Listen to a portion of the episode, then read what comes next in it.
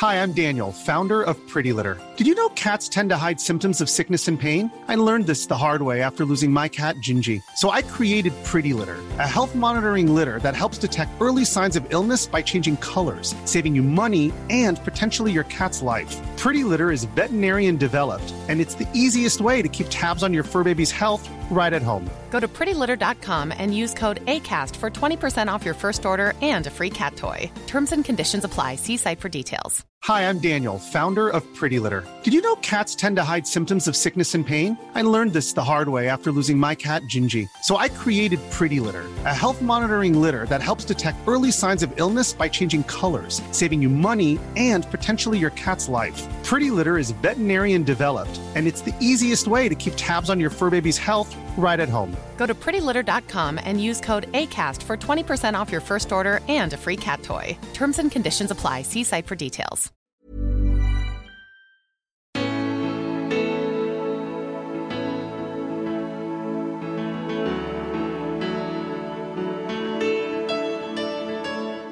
Det här är inte bara det femtonde avsnittet. Det är en milstolpe i poddens historia.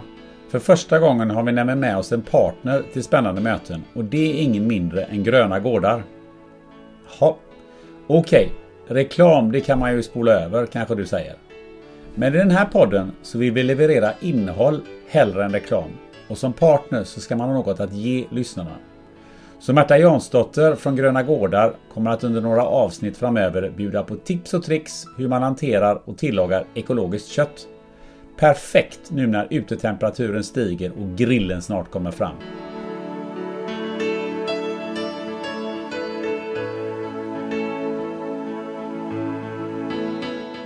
Ja, så är det ju. Ja, men jag har ju tur att jag har henne. Det hade ju kanske inte funkat med så andra. Men hon luktar gott liksom och då gick jag på det. Ja, det var väl likadant för henne jag. Jag funderar, hur intervjuar man en person egentligen som har varit med i otaliga tv-soffor, artiklar och poddar där man har gjort film om hans liv och som har hållit mängder med föredrag? Det finns ju en tendens att frågor och svar upprepar sig och som lyssnare så vill du ha någonting nytt.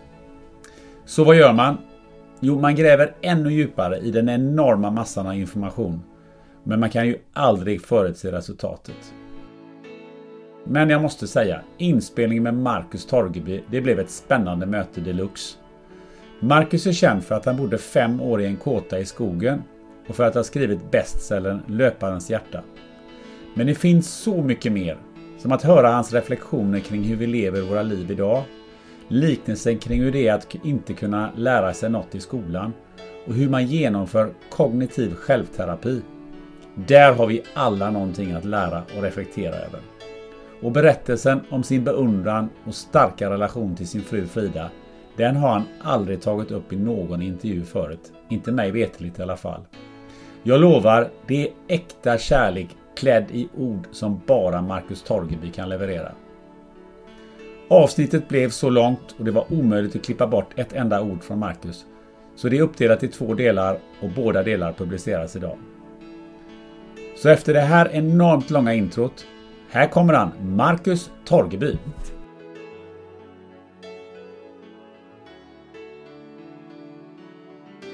Livsfilosof, löpare och föreläsare samt expert på att sova ute. Eh, dessutom författare till bestsellern Löparens hjärta. Översatt till sju språk. Marcus Torgeby, välkommen till Spännande möten. Tack! Alltså jag vet inte riktigt, var det här en adekvat titulering eller vad skulle du själv säga? Eh, ja, nej men precis. Alltså författare ibland nu så känns det som att shit, alltså nu kommer jag ju med min andra bok. Så, så på något sätt så är jag ju det. Ändå. Ja. Och det är det jag gör mycket nu och föreläser gör jag ju. Ja. Löpare, det är... Ja, springer mycket. Det gör jag ju fortfarande. Varje dag. Ofta två. Så, nej men och framförallt det sova ute det är ju det som ligger mig varmt om hjärtat liksom. Ja, det är mitt precis. mission. Precis. Så där kan jag tycka. Ja. Så, så där har jag... Jag sover ute fortfarande varje vecka. Med barnen och... Ja. Och nu, när- ja, inte nu, nu för nu är jag ju på Öckerö i natten Ja. men annars så Varje gång jag är iväg och jobbar så är jag med mig sovsäck och liggunderlag och en tarp så att jag kan spänna upp någonstans. Frida Södermark som ju har varit med i den här podden också, eh, som du säkert känner. Mm. eh, Hon sa ju det eh, att man kan inte kalla sig författare för man har gjort två böcker. Nej, men så det är på gång här nu då. ja, det är bra. Vi ska komma in på det. Du, du har ju inte börjat prata norrländska. Nej men du vet det är som de... Ja, det är helt, jag har ju bott mer i Norrland än på Öckerö. Ja. Men det är som att det bara... Min dialekt på Öckerö den blir bara starkare och starkare ju mer jag är borta på något vis. Ja, jättekonstigt är det. Men ska, kan du prata norrländska? Nej. Ja, nej. Du vet jämtska. Jämtland där jag bor, den är ju ruggigt komplicerad. Det kan väl bli... Så kan jag nog göra ibland. Men, men annars är det ju, man hör ju att jag är... Men om du skulle presentera dig själv med några ord på norrländska, hur skulle du Nej, prata? det skulle, det går inte. Det går Nej, inte. det är så här. Så här pratar jag. Så, det är Ja, din visst. norrländska? Ja. Så är det. Ja, lite emellan då. Ja, någon sån. Ja, men du kom hit eh, eh, direkt från en eh, föreläsning i Göteborg va? Mm, Friidrottens hus. De har ju dragit ihop någon, eh, Göteborgsvarvet har dragit ihop någon eh, Jag tror det hette Walk and Talk Det är väl ett nytt koncept sådär. Så har det varit lite föreläsare och lite träning och sådär. Och så var det, jag har gjort lite grejer för dem innan. Så ringde de och frågade så tänkte jag att ja, men jag passar på. Det är ju nära Öckerö och jag ska ner och göra andra grejer. Så, det, så då var jag det. Hur eh, gick föreläsningen? Ja men jag dominerar som vanligt. Ja.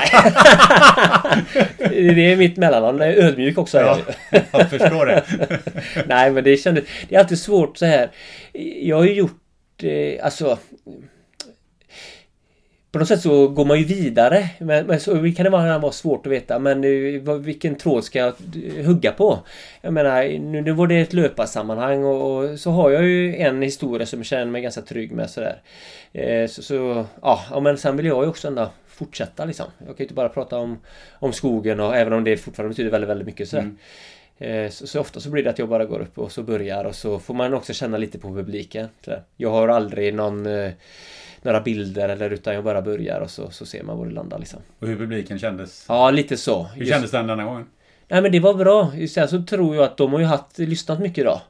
Eh, och så hade de gjort en scen i Friidrottens hus. Det kanske inte var det lättaste sådär. Men jag tyckte att ja, det kändes gött liksom. Sådär. Var det många? Ja, kanske 300. Så det var inte enormt men, men ändå. Ja. Jag gillar... Eh, jag har ju gjort... Du vet de här stora grejerna. Jag vet jag gjorde en turné med Hans Rosling. Mm. Men du vet eh, när det är 1500 pers och så var vi i Svenska Mässan. Ja, det var så svårt. Inte det för att det är jobbigt när det är mycket folk men vissa scener är sjukt svårt när du inte, du inte ser något. Det är bara... Du tittar ut som i, i mörker. Det, det kan vara svårt kände jag. Så, så en, en scen är ju viktig. Det är svårt med publikkontakten. Ja, då när det blev för... Den scenen just på Svenska var väldigt, väldigt svår. Sådär. Men... Eh, Ja. Annars är det ju egentligen så, ju mer desto bättre. För det blir som att publiken tänker att när det är mycket folk så tänker de men den här killen har ju något att säga. Och så kanske man, men du vet, så då är det som en, då, då tänker de att men han har, har ju koll liksom. Men det är väl lite det som att ha en dragning för fem personer. Det är mycket jobbigare, Mycket än, jobbigare. än att ha det för eh, 500. Eller, Ja men så är det, så är det. Det blir som en energi i rummet som, som ja, man kan använda på något vis. Du, du var ju inne på det här med eh, sova ute. Eh, Mm. Jag tänkte vi hugger där. eh, Och eh, vad har du sovit i natt? Ja men i natt sov jag ju på Öckerö då. Mm. Eh, Jag åkte ner från Jämtland igår. Eh, Ja, och så, så i natt sov jag i våran lilla lägenhet på Öckerö. Men jag menar, två dagar innan så sov jag och min äldsta dotter ute på altanen. Så det är ett par gånger i veckan. För du sover inte på, så ofta på hotell när du är Aldrig på hotell. Alltså det... Det ska jag inte säga aldrig, men det är inte ofta. Så innan föreläsningen kan du, eh, på natten innan så kan du sova? Ja, ja. skog. Men sist jag hade något i Stockholm, då hette det hotellet Yasuragi tror jag. Eh, ute någonstans. Och och då var det ju, så kom jag fram dit ganska sent och så har jag alltid en dagbädd med. Och så ett renskinn och en vettig sovsäck. Och så var det så fina tallhedar där. Ja, det var ju klockrent bara gå upp och lägga sig. Så var det stjärnklart och så kände jag mig laddad när jag såg in och pratade sen.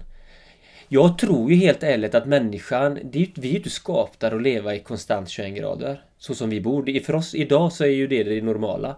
Men det är inte det naturliga. Det naturliga är att leva och, och framförallt sova när man är födda i Sverige. Att det är lite svalt.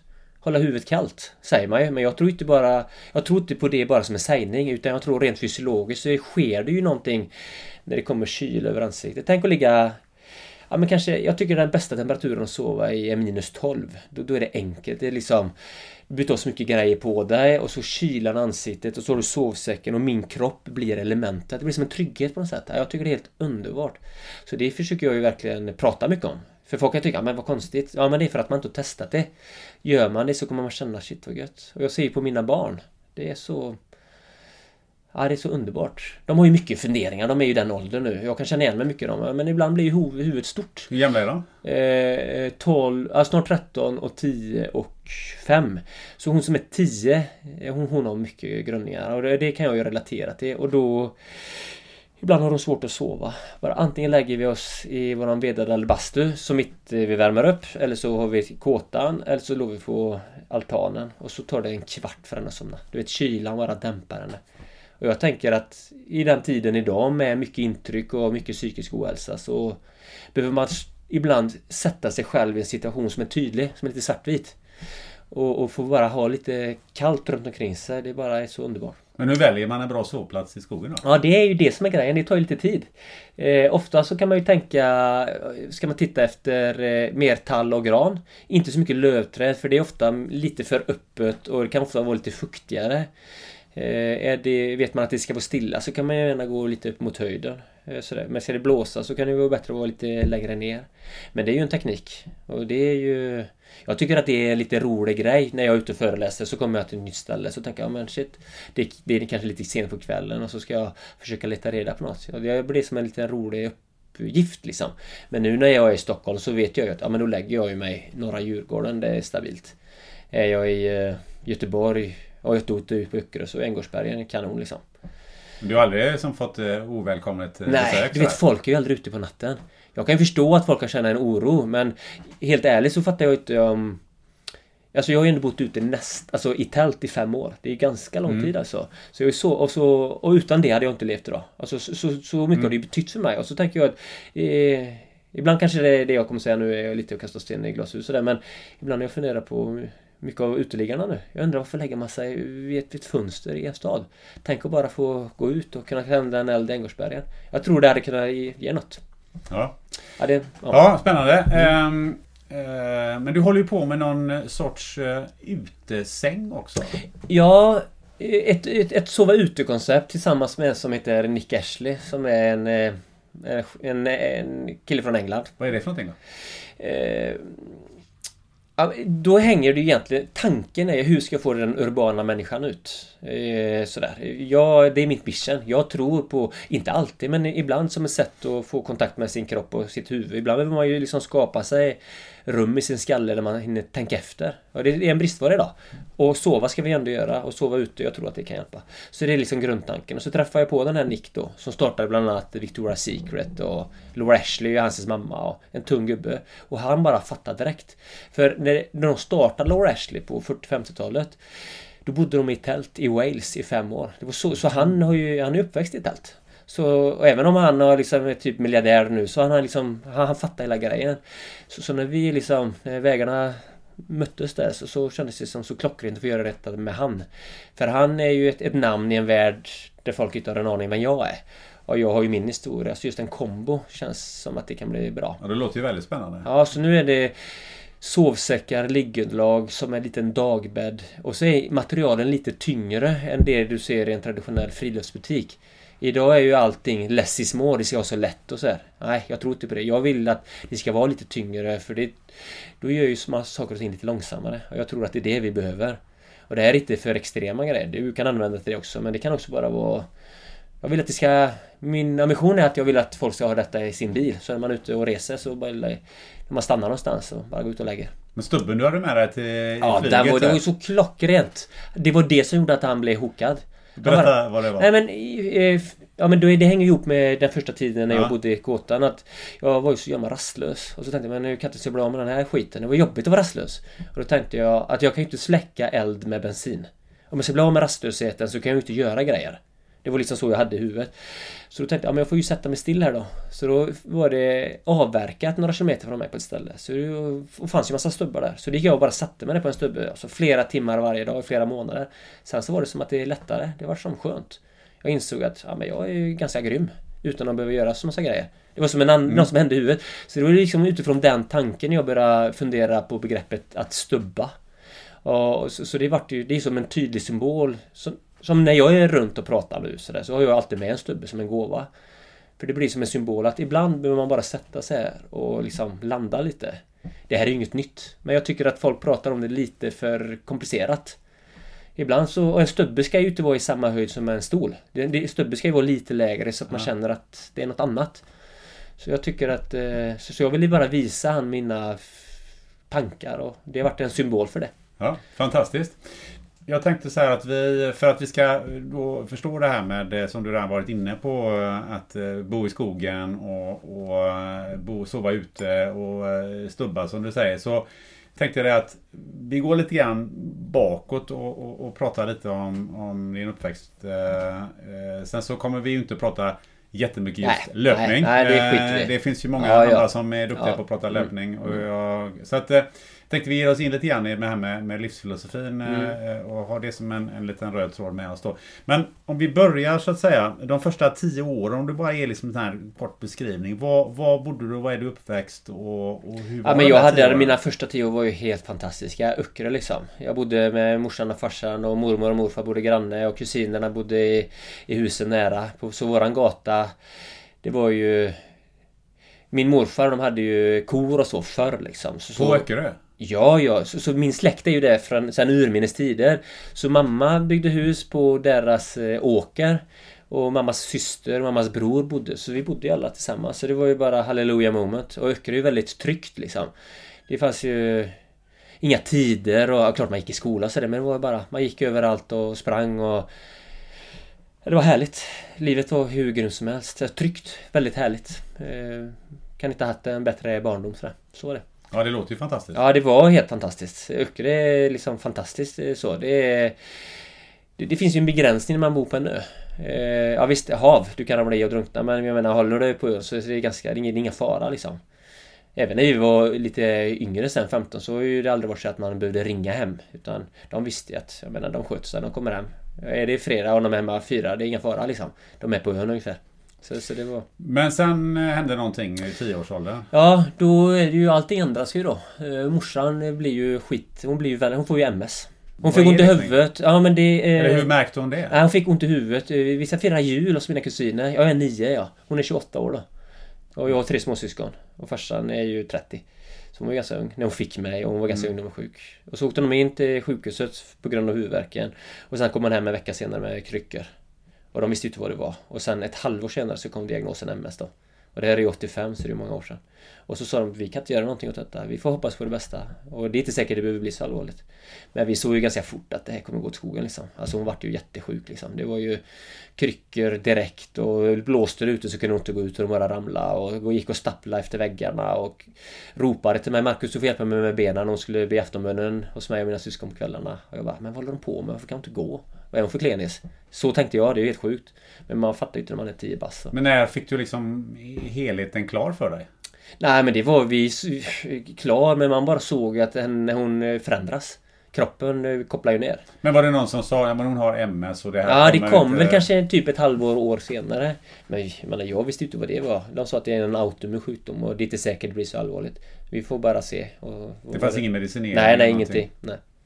Men hons variation, eller den varianten hon hade vart ju väldigt aggressiv. Så det var ju rullstolen direkt. Ett år, ett år senare. Men visst, hade du någon känsla för vad, det är som väntar dig? Nej.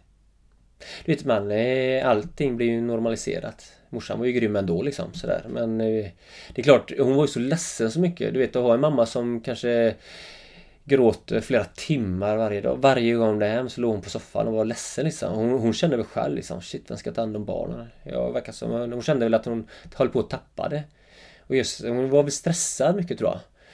Eh, och det, det är ju först i backspegeln jag mer kan se. När man är mitt i det och du är ganska ung sådär. så, så ser man ju inte saker och ting. Utan man bara, "Ja, mamma är trött och ligger på soffan liksom. Det var inte så mycket annat jag grunnade på. Och någon hemtjänst och så? Nej, nej, inte? ingenting. Vi vill ju klara detta själv och farsan är ju... Har ju alltid haft den, man vill klara sig själv och det, det förstår jag ju. Men så det gjorde ju inte vi, så vi fick ju göra jättemycket hemma. Jag och mina syskon. Och pappa också klart, men han jobbar ju mycket. Så ni fick lö lösa Ja, den här dagliga... Ja, ja, absolut. Och det har ju alltid varit en sån grej. Jag kan se nu när jag är 42 att eh, vardagslivsgrejen, det är en utmaning för mig. Jag gillar, eller jag är bättre när det blir lite mer extremt eller det tänder till. Men för mamma var ju liksom bas... Liksom, livet var ju viktigt. Gå på toa, tvätta sig, borsta tänderna på henne och borsta håret och... och jag bara, åh, jag tyckte det var så tråkigt. Jag var ju mer bra på att bära morsan på ryggen och gå och bada. Men på något sätt så att göra det några gånger per år, det är liksom det här att bara mata är ju viktigare menar jag. Men jag tyckte det var lite trögt. Liksom, så. Och din pappa var borta hela dagarna? ja, han jobbar ju. Han hade eget eh, företag i Gamlestan. Han jobbar med, kontorsmaskiner. Han var jätteduktig liksom. Så, så, han, det gick ju bra sådär. Så hemma har vi ju alltid haft bra ekonomiskt och sådär. Men hur, hur påverkade det dig? Jag tänker på skolgången. Nej, men jag, jag, jag, vet ju aldrig. Ibland, skolan har ju varit väldigt komplicerad. Jag kan ju lite nu se när jag själv var barn att eh, min äldsta och min yngsta är som min hustru. Det är så lätt liksom. Det är som bara total... Det är som ett öppet spjäll i skallen liksom. De bara suger in allt. Medan den mellersta, hon har allt i kroppen, så jag. Ibland så kan jag känna, det var som ett... Eh, vad ska man säga? Det är som ett timglas. Jag med mitt huvud var i ena bubblan och timglaset och på andra bubblan så var kunskapen och så var det en smal gång emellan. Och det var som att det gick så himla långsamt. Det var en fantastisk beskrivning. Ja, jag vet. Ja, men lite så kan jag tänka. Det bara, det, det funkar inte. Eller ibland, ja men om en annan beskrivning kan vara om man går över en äng och så är det högt gräs. Normalt när du vänder om så ser du var du har gått. Men så var det inte för mig. Alltså när det gäller kunskap. Alltså det är bara, det funkar liksom inte. Sen så hade jag aldrig dåligt liksom eh, självförtroende så här, men det var bara skolan var så trög. Att sitta där inne på rövan när man kunde vara ute och leka. Du vet, så, så det var jobbigt liksom. Så jag sökte mig hela tiden till det fysiska. Jag, det har varit min gåva liksom. Jag har varit... Eh, jag har så fantastiskt lätt för det. Allting som har med kroppen och hjärtat att göra. Det är min styrka liksom. Jag har varit bra på att känna mycket.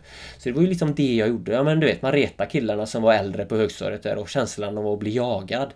Och veta att får han tag i mig så får jag en fet smäll. Det var ju underbart. Och springa järnet. Eller du vet, så här, nu på våren så luntar man ju ofta. Eldar alltså. Så vet jag att jag och en kompis, eh, vi, det var väl perfekt äng där vi tänkte ah, att ja, vi tuttar på här. Och så just när jag tuttar på så bara kom vinden och bara nej, det är ju sån dålig kombo, vind och gräs. Och så Kalle då, en, en gammal gubbe som har just hållit på att fixa sin båt där i ena hörnet av den här ängen. Och bara, ja, den här nervositeten, man kände att ah, det här kommer gå åt skogen. Och så vet jag i huvudet att jag bara tänkte antingen springer jag här nu och då kommer det bli galet eller så försöker jag släcka liksom.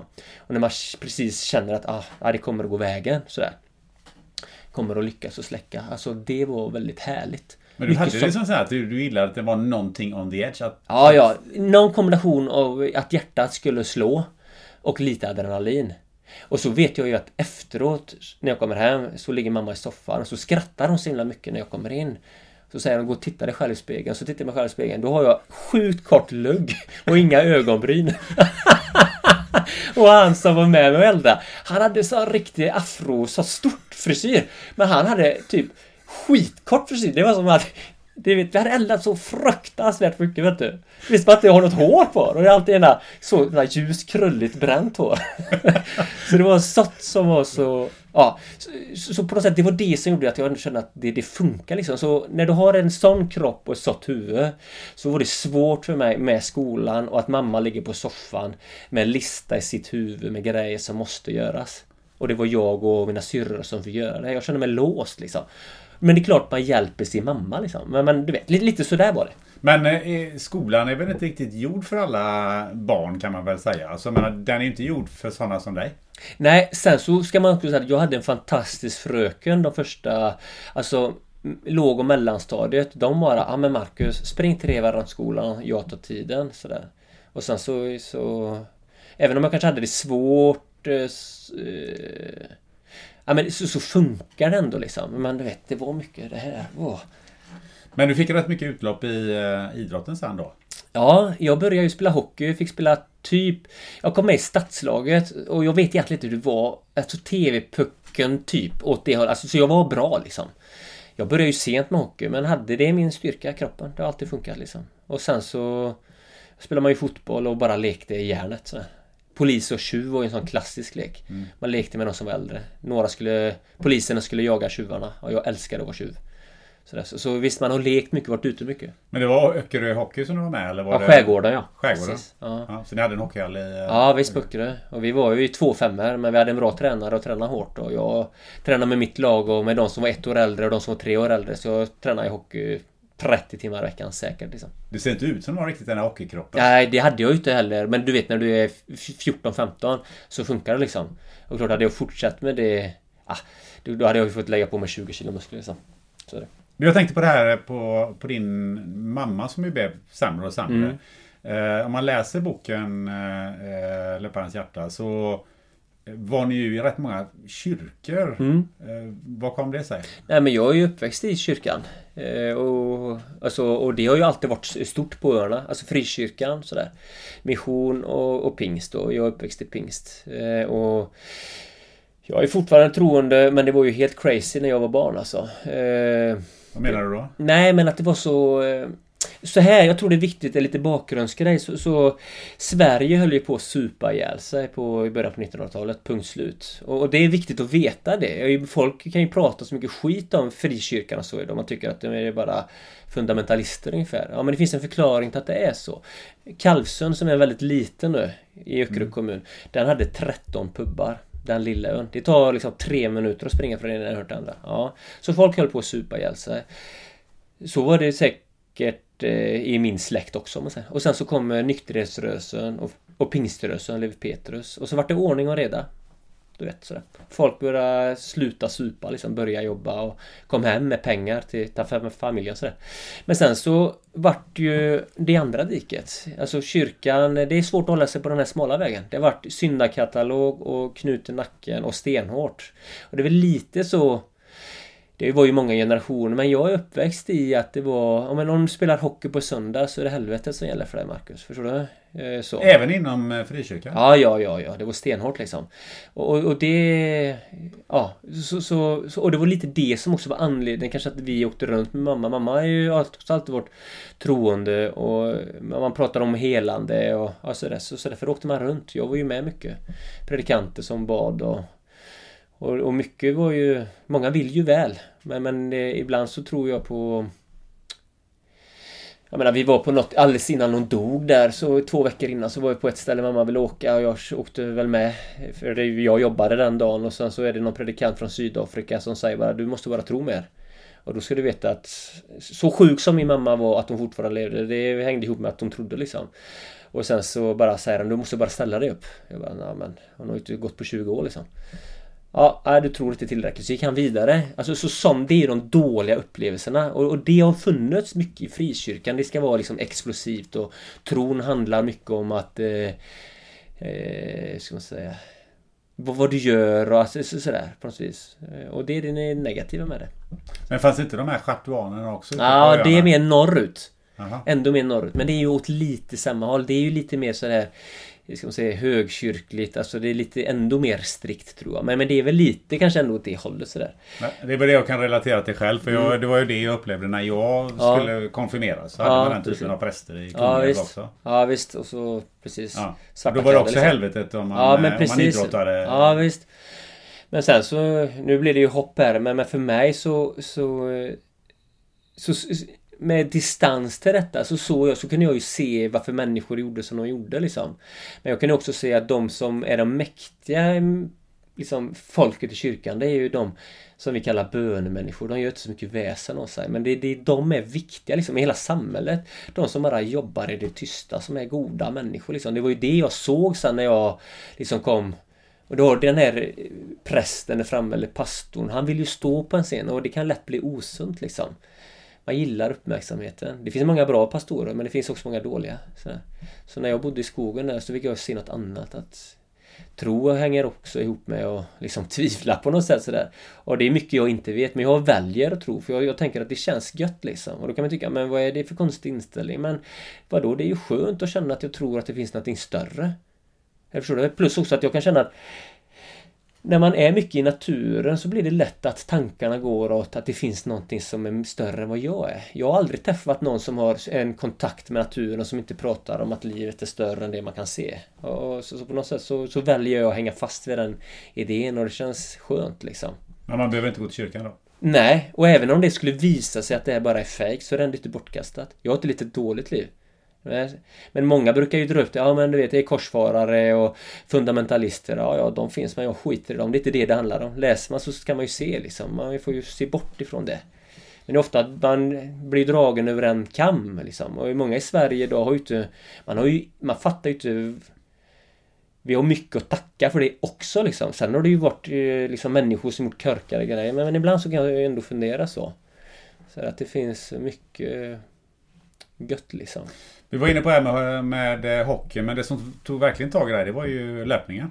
Ja, ja men det var ju så. Jag, jag sprang ju en liten tävling när jag var 12 år. 10 km på 38 minuter. Ju, ja men det är ju typ ganska bra liksom. Och jag hade aldrig sprungit då. Men på något sätt så kände jag att ah, det var något jag gillade där i. Alltså i det här att det bara var jag. Hockeyn var ju en lagidrott. Jag gick aldrig igång egentligen. Så sen började jag ju springa när jag var 16 liksom. Och då var det väl som att jag mindes den här gången när jag var 12. Att shit, det är nog det jag ska göra. Och sen bara sögs jag in i den här världen. Jag bara älskade. Du hade någon tränare där? Ja, han var hård.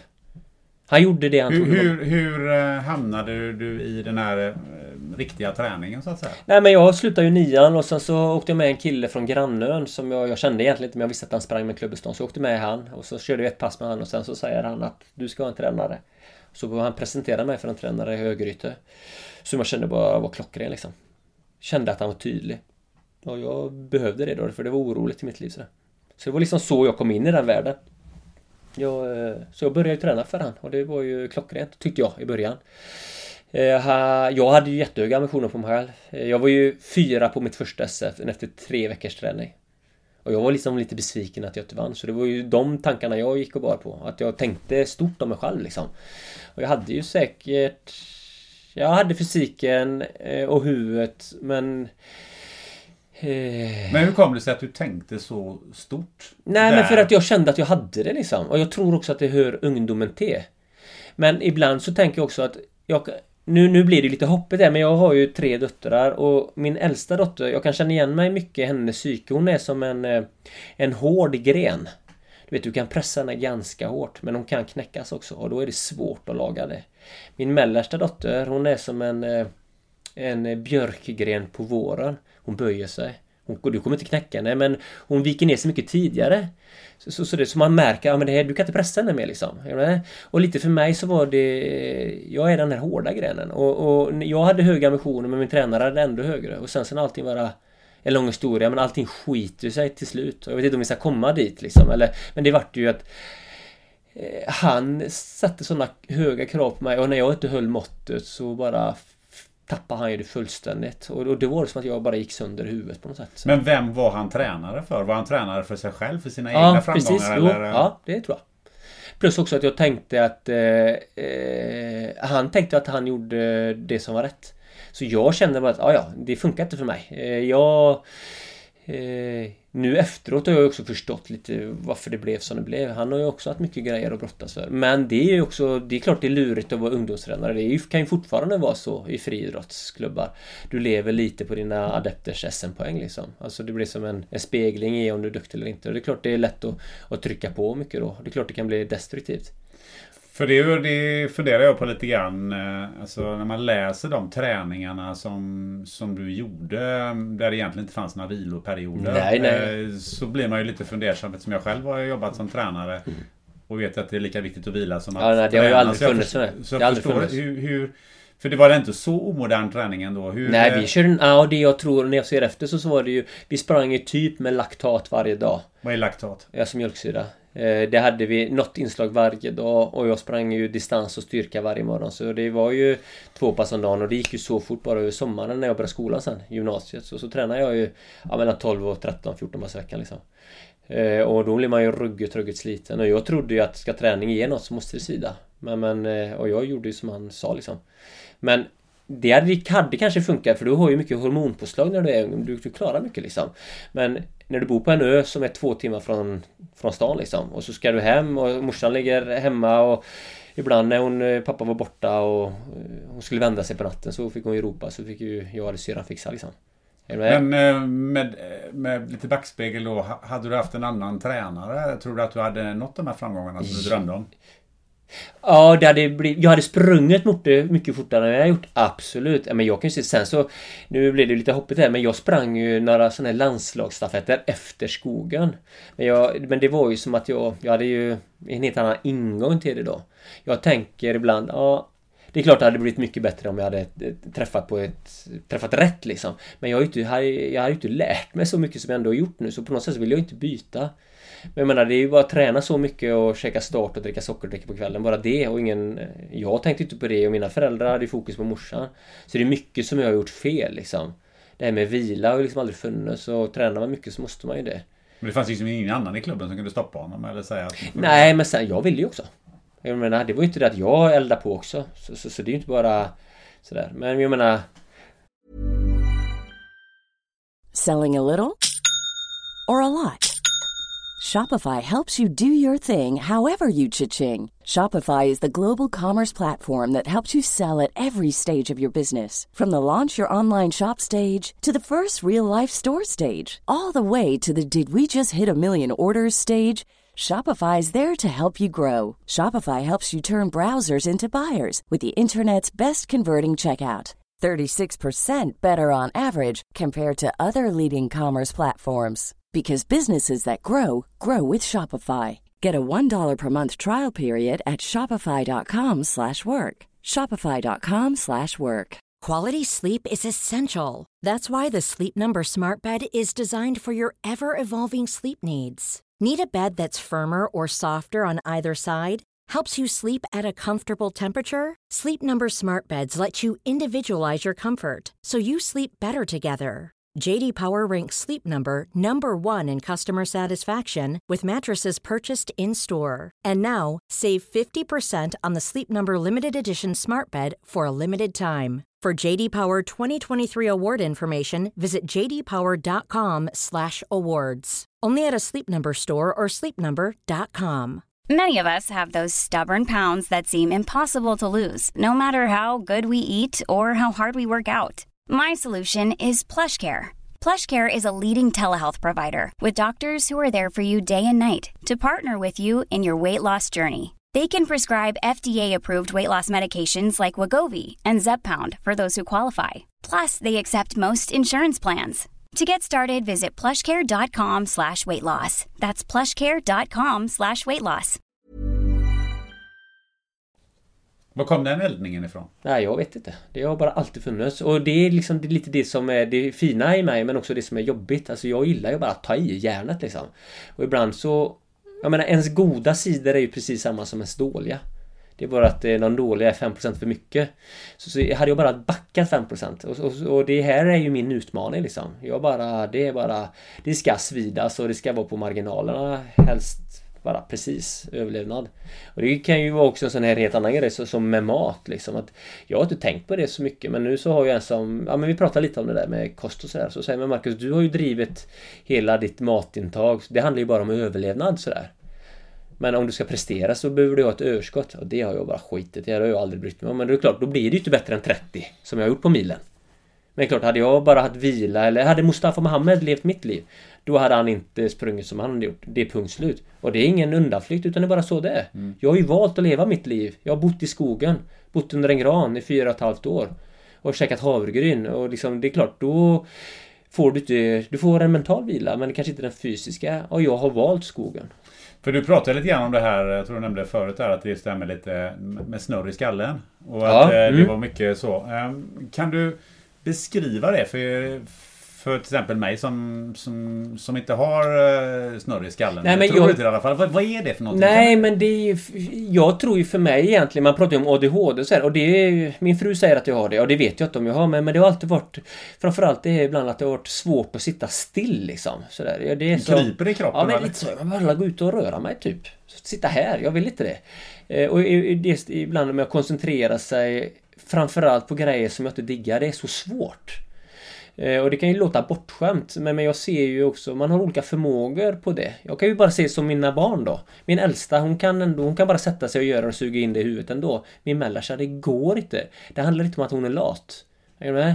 Så, sådär. Och det är väl lite sådär bara. Och just i skolans värld man pratar, då är det så mycket man behöver göra som jag inte diggar liksom. Och det var, var och så ska man ju sitta där liksom. Det var jobbigt liksom. Men var det mycket tankar i huvudet också? Ja, men det också. Men jag har alltid tänkt stort liksom. Men sen har jag ju hållit det mycket för mig själv och det är därför jag mycket också gillar att springa. För det är som att med blodet och syret när det liksom pumpar på med lite fart, det är som att det, ja, allting klarnar på något sätt sådär.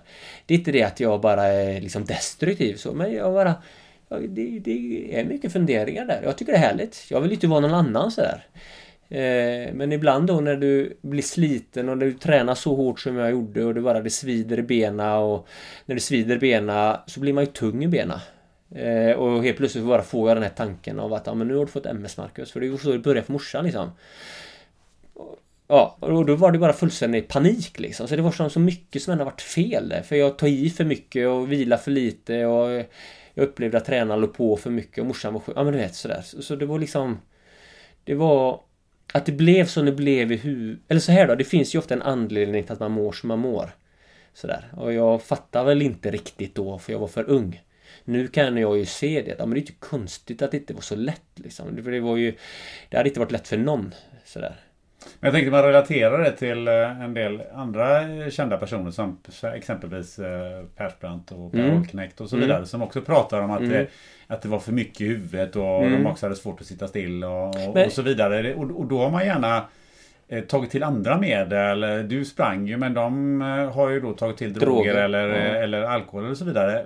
Det låg aldrig i närheten. Du vet, jag har aldrig varit full. Jag har aldrig druckit öl. Men det är väl ganska vanligt det här med fylla och så vidare likaväl på Öckerö som någon annanstans? Nej, det är det inte. Nej, nej, nej. Det är två världar där kan man säga. Jag uppväxt i den ena världen. Då är det nolltolerans. Nu har det börjat luckras upp att folk ändå kan dricka lite vin på lördag. Men när jag var barn så var det inte det liksom. Jag har aldrig sett, jag har aldrig sett mina föräldrar berusade liksom. Eh, men det fanns ju å andra sidan, sen fanns det andra sidan. De som, som upp. Men det är jag jag har ju aldrig varit inne i den världen. Men mina närmsta vänner, de har ju liksom lämnat kyrkan och en är ju marijuanaodlare i Kalifornien liksom. Och de har ju sådär. Men jag har aldrig varit inne i det. Det har aldrig varit intressant för mig. Men hade jag, du kunnat hamna illa där, ibland så, ibland så tänker jag att det hade kunnat vara så. Men det är som att jag alltid... Jag tänker att jag har tillräckligt... Eh, den typen av... Som när jag hör Persbrandt, de verkar ju vara så himla destruktiva. Ja, ja nu. Det, det blir ju destruktivt ja, om men, du använder ja. droger. Du, blir, du kan ju aldrig bli bättre av droger. Nej, och jag kan ju mer känna som att... Jag vet inte ibland om jag... Ja, visst, jag har tränat kanske för mycket men det, på något sätt så har det inte gått ut över någon annan. Det är ju mer att jag blir trött. Och visst, mamma kanske blir lite ledsen och ser att jag inte är på topp sådär. Men, men eh, nej, jag har bara diggat kroppen på något sätt. Det har varit min... Eh, både räddning och medicin och ibland har det ju varit för mycket. Så. Men jag tänker på eh, har du haft det jobbigt om du hamnar på ställen där det är för mycket brott? Alltså för mycket ljud eller för mycket oväsen eller för mycket, mycket människor? Ja, men, men ja, jag kan ju se som min fru då. Man pratar ju idag mycket om det här med high sensitive. Alltså hon är ju det. Det är ju därför hon är så himla bra på det hon gör. Allting är så lätt för henne. Men det är ju också det att om hon åker i bilen och så hör hon en låt på radion. Så kan hon ju den. Det bara sugs in i huvudet. Hon kan varenda låt som hon har hört. Det är för att hon är intelligent liksom. Så är det ju inte för mig. Jag kan ju vara i ett rum och bara stänga av. Sådär. Jag kan ha TVn på det, nu har ju inte vi typ TV men Men om det skulle vara så så, så är det jag, jag kan koppla bort världen men jag digg, Så då kan man ju tro att jag bara hade kunnat vara en stad men jag gillar ju inte det. Jag gillar ju att bara se stjärnorna, se horisont och natur. Så ett år på Manhattan hade inte varit Nej, det hade inte varit min grej. Sen hade det varit en utmaning att göra det och det hade säkert gått men jag liksom känner bara nej Jag diggar att få vara ute i naturen sådär. Men sen läste du en bok? Ja, Skogsliv i Valden ja. Vad är det för bok? Ja men den är skriven i slutet av 1800-talet. Eh, en klassiker. Henry David Thoreau. Som skriver om... Han gör ett år i en stuga i skogen. Sådär. Han var ju egentligen en liten klenis för han gick hem och lät morsan tvätta och sådär. Men han skriver ändå om på lite häftigt sätt sådär. Så, så, hur kom du i kontakt med den boken? Jag hade en tjej eh, på Donsö som heter Sara. Som vi var ihop ett par år och så eh, under tiden jag sprang liksom. Och hennes farsa, eller om det var mamma, pappa sa att Marcus, den här boken kan nog passa dig. Så då läste jag den. Så, och på något sätt så fick jag väl in eh, den, de tankarna i hjärtat på något vis. Det är inte direkt någon mainstream-författare? Nej, Nej, det är inte. Alltså, men, jag, men, har ju, jag har kollat de texterna lite grann och det är ju... Det är tungt alltså. Jag tappar ju bort mig efter tre rader. Jo, men du ska veta, jag har ju ens inte läst hela boken. Jag förstår vad du menar. Fortfarande. Den är ju svintrökig. Men folk som pratar att det är en klassiker. då tänker jag, ja men herregud vilken trökig bok. Men den var viktig. Jag, jag, jag har ju sett när jag hör många Antingen säger de det bara för att det ska vara coolt Men jag vet att Göran Greider brukar säga Ja men det är ju Det är ju The Book liksom Och det är många som pratar om det men, men på något sätt så, så det, det startar ändå något liksom men, men alltså han, Den skrevs ju då 1854 ja, någonstans. Ja. Uh, läste du den på engelska och svenska förresten? Svenska.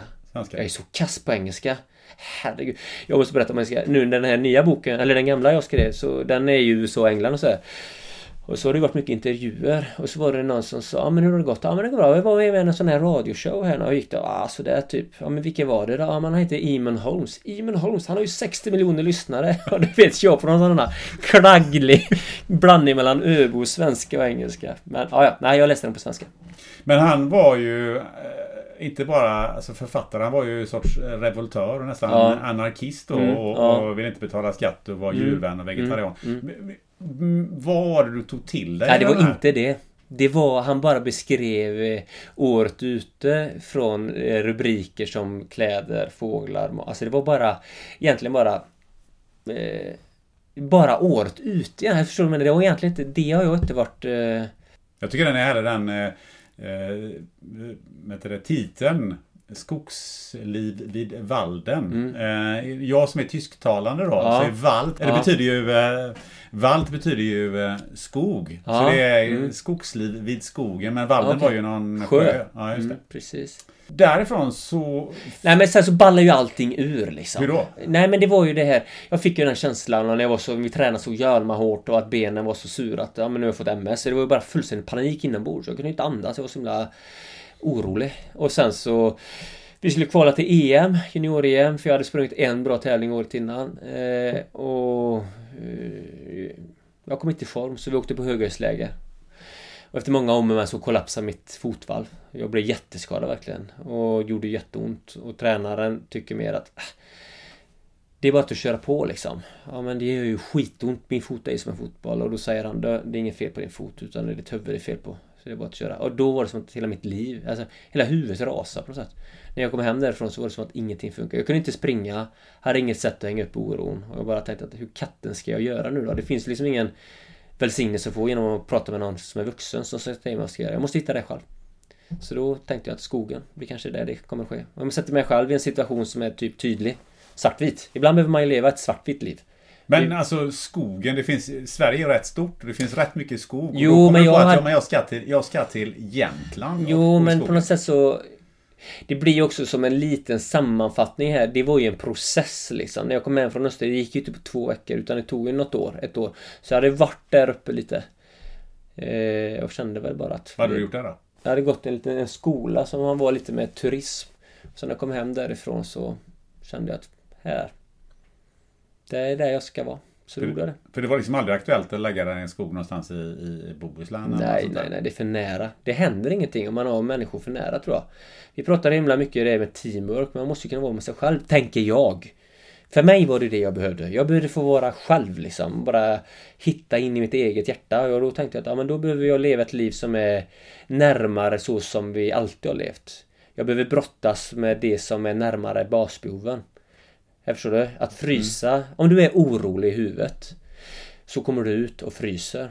Då kommer oron försvinna, du kommer känna bara shit vad jobbigt det är att frysa. Så kommer du tända en eld så kommer du känna att det är gött. Förstår du? Så, så det är liksom så ibland jag tror man behöver handskas med skallen sådär.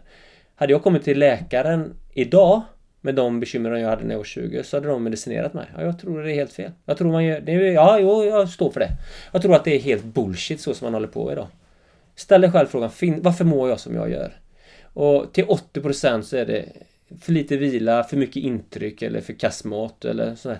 Så ibland behöver man bara hitta tillbaka. Men hur eh, skulle omvärlden reagera? För du har vid något tillfälle sagt så här att eh, eh, om du hade levt samma liv på Öckerö så hade folk blivit sårade. Jo, för att då är det ju... Det är svårt. Jag tänkte bara om jag lever ett liv där ingen ser mig på något sätt sådär. Jag var ju själv. Så, så, så kanske de inte... Ja, då behöver de inte själva gå och grunna så mycket. Eller sådär. Och, och puckar, det är svårt att leva ett enkelt liv i en miljö där du... du liksom, alla har lampor och du vet, och så har det ens inget toalett. Alltså det blir svårt. Men just liksom. att de skulle bli sårade av. Alltså, Hur menar du då? Att, de- att du menar att de själva hade latenta problem också eller? Vad? Ja, lite så faktiskt tror jag. Jag säger inte att jag liksom har bara har, svart bälte i att vara- i att vara grym, men jag vet ju att folk funderar. Men jag hade ju kommit till en... Blivit pushad så till en gräns jag var tvungen till att liksom bara ta den här... Eh, vad ska man säga? Men hade man blivit avundsjuk lite grann? Ja, men han klarar av att sticka ut i skogen. Eh, fast eh, det, det skulle jag också göra fast jag, jag, jag vågar inte eller jag orkar inte. Det är faktiskt sjukt intressant fråga. Jag har ju faktiskt skrivit det. Och vad är det jag menar egentligen? Ja, det är svårt. Nej, lite så är det nog ändå det att det är... Jag kan ju se ibland att folk längtar bort. Är du med? Men eh, så här då. När, eh, om man ska göra någonting innan man har bestämt sig så får du ofta mycket råd. Eh, för folk är kanske rädda om dig och liksom sådär. Men när du väl har bestämt dig så är det som att då ser de att ah, det är ingen idé att köta mer, han har redan bestämt sig. Och, och lite så kan jag säga att det är många på överallt. Man, är, man lever och funderar men man har inte tillräckligt eh, hålrum i sitt huvud så man hinner tänka efter liksom. Förstår du? Mm. Och så kan jag ändå se att ja, men folk är ju... Vi har ju alla möjligheter att vara jättenöjd i Sverige. Men det är ju sjukt många som inte är det. Och då tänker jag, men varför inte? Varför bara fortsätter man liksom? Och det var lite det jag kunde ibland känna så att hade folk tänkt efter lite mer så tror jag att man ändå reflekterat, ja men vad är det som är viktigt i mitt liv då? Är det bara det klassiska, köpa större bil och mer hus och mer grejer bara? Det är bara att omge sig med skit liksom. Eh, så, så jag tror att det kanske var lite det som var men är det lite samma sak som att eh, man bestämmer sig för att göra något annat? Eh, alltså något annat i sitt liv eller, eh, eller en, att bara byta jobb eller så vidare. Det finns ju alltid folk som säger det kommer aldrig gå. Ja, så är det ju. Ja, men det är lite samma sak det där. Ja, men lite så kanske. Sen vet jag ju inte... Uh, ja, nej men, men så kan det nog vara. Sen så var det så att jag ser ju inte som att... Eh, för mig var ju lösningen skogen. Jag behövde det. Min fru skulle aldrig behöva det. Liksom sådär. Sen kan jag säga att många skulle behöva, jag tror att många hade mått bra av att få göra lite åt det hållet. Få leva lite mer kyla, lite mörker, lite ensamhet. Jag, jag tror att de hade, om man lever ett långt liv, om du lever ett liv som är 90 år, så, så tror jag att bara investera några månader där du är helt själv. Jag, jag tror det är så nyttigt alltså. Att det var liksom fyra och ett halvt år för mig i, i i tältet och ytterligare ett par år i Fäbodvallen. Det var ju för att jag var sjuk på något sätt. Eller trött i huvudet. Jag behövde det. Plus att det var väldigt härligt. Jag saknar men, inget. Men det jag funderar på här nu. Din mamma var ju vralsjuk. Mm. Och så var ni tre syskon som tog hand om henne. Fyra totalt. Eller fyra ja, totalt. Mm. Och, och, så drar du. Mm. Vad var reaktionen hos de andra? Du vet så här. Min mamma, hon såg ju att jag inte mådde bra. En, en förälders högsta önskan är ju att ens barn ska ha det bra. Hon fattar ju varför jag gjorde detta. Och då, då hade ju mamma varit sjuk i över tio år. Då hade vi också tagit hjälp. Då hade vi ju hemtjänst. Så mamma hade det bra liksom sådär. Så det var inte så, men och syskon och så? De var så här, här sticker du och vi nej, ska ta hand nej, nej. Lite så kanske med en av mina syrror, för hon var liksom hemma. Mina ena andra syrra, hon gifte sig väldigt tidigt. Hon var ju bara 17 tror jag. Så hon flyttade ju liksom och började leva sitt eget liv. Men Ida slet en del hemma sådär. Men jag kände bara, men antingen dör jag ju eller så får jag göra detta. Vad sa farsan då? Han fattade inte. Han, han, var nog mest orolig. Mamma var ju inte det. Mamma har aldrig... Hon är så... Det har jag nog efter henne och efter morfar. Totalt orädd liksom. Hon bara... Det var som att det var ingen fara för henne. Pappa tänkte mer om vargar och björnar och sånt. gick han och funderade på. Men sen så såg ju de ändå ganska fort att jag hade det gött liksom. Så då tror jag att den oron dämpades. Alltså när du var där ute, vi var inne på det här förut, eh, om det kom någon och, och Fanns det folk som kom och hälsade Nej. på eller bara Nej, det... sådär att, Eller hade du liksom objudna gäster plötsligt eller? Ja, djur hade bara objudna men det var ju bara härligt sådär. Man ser avtrycken på tältduken av ett lodjur i snön. Det var ju helt fantastiskt. Älgar och... Men det var ingenting jag var rädd för. Du vet människor Alltså gå mitt ute och pulsa i snön i vintern, det är ju ingen som gör det. Jag hade ju, det var ju inte många som visste var jag bodde. Jag kanske hade två besök på ett år liksom. Var det spontanbesök? Ja, typ. Ja, som jag inte visste skulle komma men när någon var på väg så hörde jag ju i skogen att nu är det någon som ändras. Nu hade jag inte hört det men då när jag var i det hela tiden så, så var man så van vid ett bakgrundsljud som Eh, som jag var van vid. Eh, och sen så var det bara något som tystnade lite. Så ja men nu är det någon som kommer. Och så kom det någon fem minuter senare. Det var ju liksom mäktigt. Men då, det, jag var ju van vid det ljudet som jag inte hade hört nu eftersom jag är van vid mer ljud. Men, men det var som att eh, efter ett tag där, nu det här vanliga livet som du och jag lever nu så är man ju tvungen till att sålla av intryck. Men när man lever i skogen som jag gjorde så behövde jag inte sålla. Jag kunde ta in allting till 100%. För det, var, det var ju inte så himla mycket intryck. Och det var ju det var liksom en mäktig känsla på något sätt. Så att man bara kunde öppna upp. Men det var liksom inte folk som kom och fick aldrig problem med någon som förstör? Nej, nej, nej, nej, nej, nej. Det är ju samma som nu, vi bor ju fortfarande kvar i samma område. Vi har ens inga lås på våran dörr liksom. Vi har aldrig någonsin låst in. Är vi borta en månad så är ju dörren öppen liksom. Aldrig varit någon där inne. Så är det. För jag för mig att du hittade någon, din jacka där. eh, Ja men det var ju precis, det var ju faktiskt en väldigt rolig grej. Eh, Det var, jag hade en kompis som var uppe det gick lite fort när jag lämnade kåtan och så- var, hade en kompis uppe och hälsade på nu, det är ju något år sedan. Så, så sa han, men du, kåtan, var, var låg den? Ja men den typ låg där. Så sprang han in, så kom han tillbaka några timmar senare. Så sa han, ja men jag hittade platsen. Och så hittade jag din jacka där. Då, för det gick lite fort när jag lämnade. Jag tänkte, ja, jag lämnar kvar den här. Och så, så här, då tittade jag i fickan också, då låg ditt bankomatkort kvar. så Ja, det var otroligt. Men du hade inte så mycket pengar på kontot Nej, där, nej, nej, så så det var ingenting. Och det som är roligt är att jag... Min... Eh, det var SE-banken och min kusin, han är ju koncernchef för SE-banken. Ja, det här Så jag tänkte tyckte jag fråga ja, just. Det var ju lite så en rolig grej på något sätt. Jag borde ju gjort någonting med det på något sätt, men ja, ja. Men du har kvar bankomatkortet? Ja, ja det, allting hänger kvar i skogen. Jag bara, det ligger där och jackan är där ännu. Den är fortfarande där? Ja, jag tänker att det kan vara ett fint tidsdokument. Du, det här med mat, eh, den frågan har du säkert fått många gånger. Men eh, vad livnärde du dig på? Var du fiskar och jagar? Ja, men lite, nej, jag var inte självförsörjande på det sättet. Utan jag... jag hade, innan jag flyttade ut så hade jag några tusenlappar. Jag levde ju för 700-800 kronor i månaden under de åren. Så när jag hade... Så, så jag tog det som fanns runt omkring mig. Ja, visst, jag kunde fiska så ibland. Men, men det var mest havregryn och nötter och... Och det var daggkåpa och, och hjortron och, och lingon och hallon på, på våren. Så, så det var ganska magert kan jag säga. Sådär. Men finns det några sådana här eh, grejer som man kan äta som ingen tror att man kan äta? Som du kom på? Eller visste om innan? Nej, sen så äta, jag, jag savade mycket på våren och kände att det gjorde mig gött liksom. Så Savade? Ja, tar eh, blodet från björken liksom. Så det är många, många, många liter. Så där. Men eh, nej, men, men för mig så var det ju inte, för mig var inte det här att vara helt självförsörjande. För mig var, var det en mental resa. Det var det som hela grejen. Och det var lättare för mig att Okej, nu har jag 500 spänn på. Jag kan leva på detta i tre månader, eller tre veckor. Ja, ja, men då kanske Ingemar behöver hjälp med att sätta in ett fönster. Så gjorde jag det, så fick jag 500 spänn så visste jag att ja, men nu klarar mig i två månader. Så det var lite så, så det kanske var fyra dagars jobb per år liksom, eller fem. Ja, men det var ju inget mer. Då är det dags för ett inslag från poddens nya partner.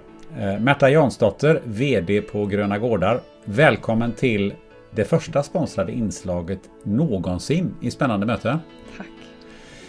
Det vi ska prata om är naturligtvis ekologiskt gräsbeteskött. Så idag ska vi snacka om hur man steker en biff. Och det tycker jag låter väldigt intressant, för där misslyckas jag rätt ofta. Så Märta, hur gör man? För det första ska man ju se till att man har ett bra kött. Det är ju det viktigaste för att lyckas. Eh, sen ska man se till att man har en bra stekpanna och där är en gjutjärnsstekpanna eller en kolstålstekpanna att föredra framför teflon för att det håller värmen bättre. Och A och O är att lyckas med att steka en biff för att du vill ha en väldigt hög temperatur för det är då du får den här fantastiska fina stekytan helt enkelt. Så det du gör är att du tar fram köttbiten, skivar den om den inte är skivad eh, och sen så låter du, du torka den på ytan och kanske låter den ligga i rumstemperatur en halvtimme. Och det ska man göra varför då? Eh, Det blir en mindre temperaturskillnad mellan kylt kallt kött i pannan eh, och att det ska värmas upp då. För du ska ju ha upp köttet till runt 50 grader inuti ungefär. Mm. Så att du torkar av köttet, du saltar det eh, och sen när det är torrt och, och saltat eh, så ser du till att du sätter på stekpannan och ser till att den kommer upp. Den ska vara riktigt, riktigt, riktigt varm. Eh, Sådär varm så att den osar när den är tom liksom. Och när den är varm, eh, då slänger du i smöret och, så, och nu får du vara snabb. Eh, så smöret ska precis hinna sluta bubbla liksom. Du ska få bort vattnet ur smöret. Då lägger du i köttet och fyll inte pannan mer än två tredjedelar med kött. För gör du det, får du för mycket kött så kommer du sänka temperaturen i pannan och då finns det en risk att det börjar koka. Där är mitt problem tror jag. Precis, det brukar vara det som är problemet. så när du har den här varma stekpannan och du har den här härliga fräsen och det kommer osa så öppna fönstret och sätt på fläkten. Så väntar du tills det kommer upp den första bloddroppen ovanpå eh, köttet. Eh, då vet du att det är ungefär medium rare och då vänder du köttet och så steker du tills du får första bloddroppen och sen så tar du Sen tar du bort köttet ur stekpannan och lägger det på till exempel en skärbräda och så får det vila lite innan du serverar det. Och sen är det klart. Helt underbart. Medium rare, det är precis det så jag vill ha det. Det är det bästa sättet. Eller hur? Va? Ja. Snyggt! Nu kan man inte misslyckas. Eh, och den bästa biffen, den köper man helt enkelt online. Eller hur? Ja, på grönagårdar.se såklart. Grönagårdar.se är adressen. Frågar du mig så finns det bara en sak att säga efter det här avsnittet. Ladda omedelbart ner och lyssna på del 2.